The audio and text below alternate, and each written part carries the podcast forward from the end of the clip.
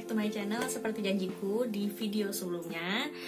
Uh, Hari ini aku akan sharing tentang tips trik Dan juga pengalaman aku menjadi mahasiswa berprestasi. Nah, aku sendiri jadi mahasiswa berprestasi tahun 2016 Dan itu lolos sampai tingkat universitas Tapi belum bisa lanjut sampai tingkat nasional. But overall aku dapat pengalaman yang sangat menarik Dan menurutku bisa aku sharing ke teman-teman semuanya Termasuk semua persiapan untuk menjadi mahasiswa berprestasi. Nah, jadi awalnya aku tuh tahu masa berprestasi pas waktu masuk kuliah. Jadi waktu itu di web kampus dijelasin ada satu orang yang jadi mahasiswa berprestasi dan itu udah bisa sampai jadi finalis tahap akhir kayak gitu. Terus kayak jadi kebanggaan banget di universitas. Terus aku mikir kayaknya seru juga nih untuk jadi mawapres kayak wah gitu. Terus uh, aku memang dari semester satu aktif di organisasi dan suka mengikuti lomba-lomba akhirnya aku punya cukup poin untuk bisa jadi mahasiswa berprestasi. Nah untuk poinnya sendiri ini nggak kita ngumpulin poin dari awal ya. Cuma nanti pas kita daftar, kita menyerahkan sertifikat, kita menyerahkan karya tulis, IPK. Nah itu yang nanti akan dibuat poin kayak gitu. Nah kalau untuk IPK sendiri waktu itu kalau nggak salah aku tinggi, IPK nggak terlalu tinggi, cuma 3,3. Tapi yang penting sudah di atas dari IPK minimum. IPK minimumnya kan 3,25. Nah terus sudah itu di tahun 2016 uh, eh, akhirnya aku daftar. Sebelumnya aku bukan di 2016 ya tahun 2015 aku udah daftar tapi ternyata nggak lolos karena ada yang lebih outstanding. Jadi akhirnya waktu itu fakultasku jadi juara dua di tahun tersebut ya.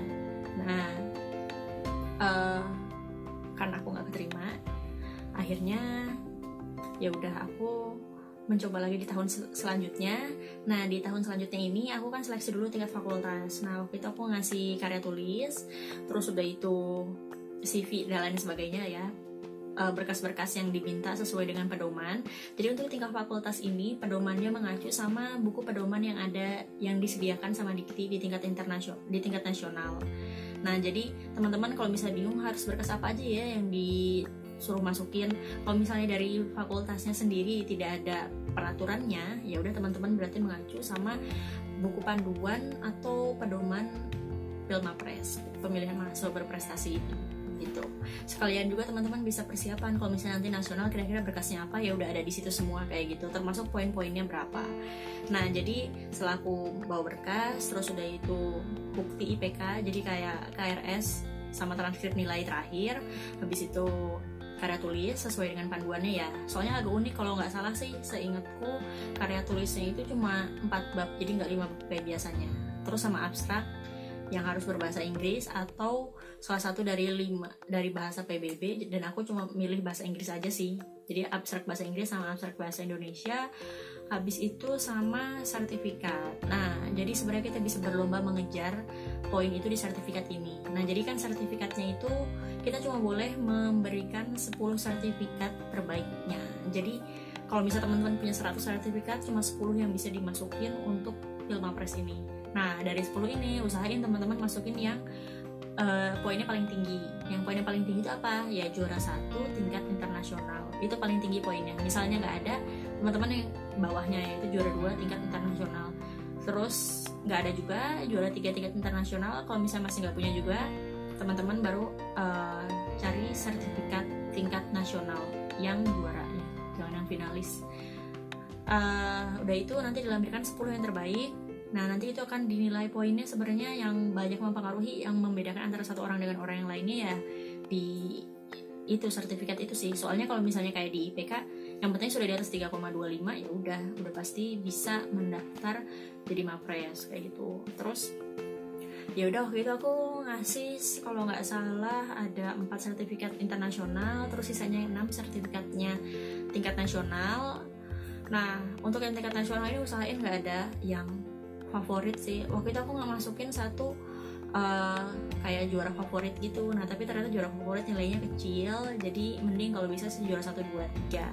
Nah untuk mensiasati teman-teman bisa punya banyak sertifikat adalah mulai lebih awal. Jadi kan aku daftar tahun 2016 itu tuh tahun 2013 awal sebenarnya aku udah sering ikut lomba kayak PKM lah atau apa meskipun tahun-tahun 2013 masih belum menang-menang kayak gitu. Tapi kalau kita bisa mulai lebih awal biasanya tuh kita bisa menang lebih awal juga jadi tahun 2013 tuh kayak masa percobaan loh ikut lomba di sana sini internasional eh, nasional nyoba daftar tingkat internasional juga nggak dapat dapat sampai akhirnya di tahun 2013 akhir Desember itu aku dapat kesempatan untuk jadi pemateri di International Conference di Jepang. Nah itu jadi milestone baru uh, aku bisa dapat sertifikat tingkat internasional yang pertama. Terus uh, habis itu ikut-ikut lomba kayak udah tahu kan polanya lomba itu kayak gimana lomba karya tulis kayak gimana debat kayak gimana uh, conference kayak gimana akhirnya ya lebih mudah untuk bisa dapat juara satu, dua dan tiga. Nah jadi saranku kalau misalnya bagi teman-teman pengen bisa ngumpulin sertifikat dengan uh, kualifikasi yang lebih tinggi dan poin yang lebih tinggi mulailah lebih awal kayak gitu. Kalau misalnya masih gagal-gagal di awal ya nggak apa-apa dibandingkan kita udah mepet misalnya udah semester 4 baru mulai nyari-nyari lomba ya telat banget gitu. Terus kalau misalnya teman-teman nyari lomba lomba karya tulis itu sebenarnya menurutku yang paling cocok. Kenapa? Karena nanti ketika mapres kan kita ada kita punya karya tulis nih. Nah kalau teman-teman udah terbiasa menulis karya tulis sebenarnya penulisannya itu bisa jadi lebih bagus dibandingkan kalau misalnya teman-teman nggak pernah lomba karya tulis sebelumnya gitu. Terus juga kemampuan presentasinya juga nanti akan dinilai. Nah jadi setelah kita ngumpulin berkas nih empat berkas tadi habis itu kan nanti dinilai ya terus udah itu akan ditentukan satu hari untuk seleksi. Nah waktu itu seleksi tingkat fakultas uh, presentasi. Nah jadi kita presentasi ini menggunakan bahasa Indonesia sih waktu itu. Kita nyiapin PPT habis itu kita presentasi kalau nggak salah 10 menit. Setelah presentasi selama 10 menit habis itu uh, kita akan diberi pertanyaan. Pertanyaannya ini beberapa poin sih. Ada yang sesuai sama uh, sama karya tulis kita juga ada yang lain lebih ke gimana cara berpikir kita sebagai seorang mawapres kayak gitu jadi kita dikasih satu uh, case study terus sudah itu kita suruh untuk memecahkan masalah tersebut kayak gimana gitu biasanya sih case study-nya yang lagi hits atau yang lagi viral di Indonesia sekarang apa kayak gitu. Misal kalau sekarang ini lagi corona, nah kira-kira solusi kamu untuk bisa menyelesaikan masalah tersebut apa? Tapi harus sesuai dengan background pendidikannya kayak gitu udah sampai tahap situ. Habis itu nanti akan pengumuman. Siapa yang nanti lolos untuk mewakili fakultas ke tingkat universitas. Nah itu alhamdulillah aku lolos di tingkat fakultas. Uh, ya lolos di tingkat fakultas dibanding dari lima peserta yang lain. Waktu itu kalau nggak salah ya kan di fakultasku ada tiga jurusan. Setiap jurusan mengirimkan dua orang uh, mapres nah waktu itu aku akhirnya bisa jadi juara satu gitu karena poinnya paling tinggi habis itu tinggal menunggu waktu menuju ke tingkat universitas nah sambil menunggu waktu menuju ke tingkat universitas uh, kita mengumpulkan berkas, udah berkas masuk semua. Nah, karya tulis yang kemarin itu udah dilombakan untuk tingkat fakultas diperbaiki lagi karena kan dapat masukan perbaikan penulisan karya tulis. Uh, udah itu baru dimasukkan ke berkas untuk ting untuk seleksi tingkat tingkat universitas. Terus tambahan, nah di tingkat universitas ini adalah kita harus buat video, video kayak gini yang berbahasa Inggris untuk perkenalan diri kalau nggak salah sekitar satu menit.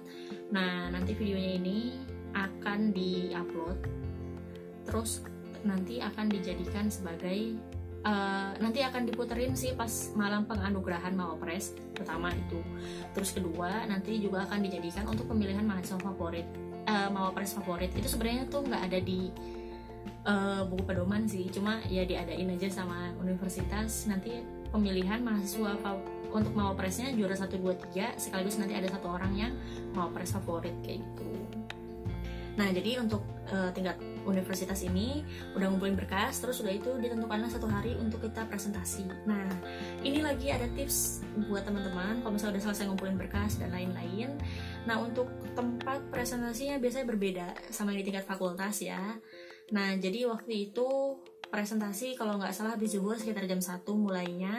Jadi jam 11 pagi 11 siang aku tuh datang ke tempat ke tempat presentasi dan itu masih sepi nggak ada siapa-siapa. Terus udah itu aku latihan sendiri di situ. Jadi benar-benar membiasakan diri dan beradaptasi dengan tempatnya presentasi. Nanti gimana? Nanti ya di situ aku nyoba misalnya kalau presentasi suara aku segini kedengeran nggak ya? Terus udah itu aku berdiri kira-kira sebelah mana? Terus udah itu PPT-nya nanti sebelah mana? Terus aku harus ngomong apa dulu? Kayak gitu. Jadi memang benar-benar sih aku siapin banget. Nah kalau teman-teman kayak gimana? Aku sih lebih suka impromptu ya udah silahkan. Kalau aku sih merasa lebih baik mempersiapkan semuanya karena kadang-kadang ya kalau aku lomba-lomba karya tulis sebelumnya pernah nggak nyiapin uh, kondisinya kayak gimana? Nanti di hari H ada kadang mic-nya nggak bisa terus sudah itu PPT-nya nggak bisa gitu. Jadi kan kayak banyak kesalahan teknis yang sebenarnya bisa diminimalisir kayak gitu. Nah jadi aku berusaha meminimalisir dengan cara datang satu jam sebelumnya terus itu nyoba PPT-nya dicoba audionya terus sudah itu gimana suara aku semuanya aku coba kayak gitu. Nah terus udah habis itu aku presentasi. Nah udah itu selesai presentasi udah nggak diumumin Nah, nunggu beberapa hari, terus udah itu ada pengumuman. Pengumumannya itu di web universitas. Siapa aja sih yang lolos dan dari fakultas mana. Alhamdulillah aku lolos masuk ke lima besar. Nah, terus udah itu di lima besar ada seleksi lagi. Ini seleksi tambahan sebenarnya, ada seleksi psikologi. Jadi seleksi psikologi ini untuk memilih tiga besar. Tujuannya kenapa? Karena waktu itu lagi ada booming masalah-masalah uh, mahasiswa psikopat. Jadi gimana caranya mahasiswa berprestasi yang dari Universitas Brawijaya ini aman dan sehat secara mental kayak gitu. Jadi akhirnya kita tes tes ya tes tes psikotes kayak gitu. Terus udah itu ya udahlah aku mengerjakan seperti biasa kan ya. Soalnya kalau misalnya untuk tes psikologi sebenarnya nggak ada yang benar dan nggak ada yang salah. Itu untuk menunjukkan karakter kita kayak gimana. Akhirnya tes itu tuh kalau nggak salah tes nggak ada tes wawancara jadi benar-benar tes psikologinya tes tulis aja pilihan ganda gitu.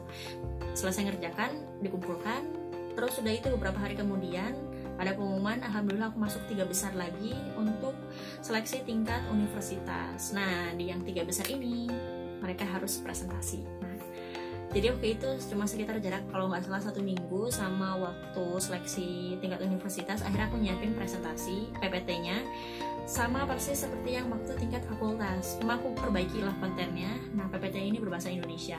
Ini ada kesalahan dan miskomunikasi sebenarnya karena waktu itu kita sebagai mapres sama-sama merasa berkompetisi. Jadi nggak merasa uh, aku akan menyebarkan informasi kepada teman-temanku kayak gitu. Jadi waktu itu kita merasa sama-sama uh, aku punya info ini nih tapi nggak usah aku kasih tahu ke uh, finalis yang lain atau sesama kompetitornya yang lain biar nanti aku yang poinnya lebih tinggi. Kita semua tuh saling berpikir kayak gitu. Nah akhirnya gara-gara uh, itu tuh ada miskom. Jadi di hari H waktu itu aku uh, kalau nggak salah malam penganugerahan Mawapresnya jam 7 malam mulainya.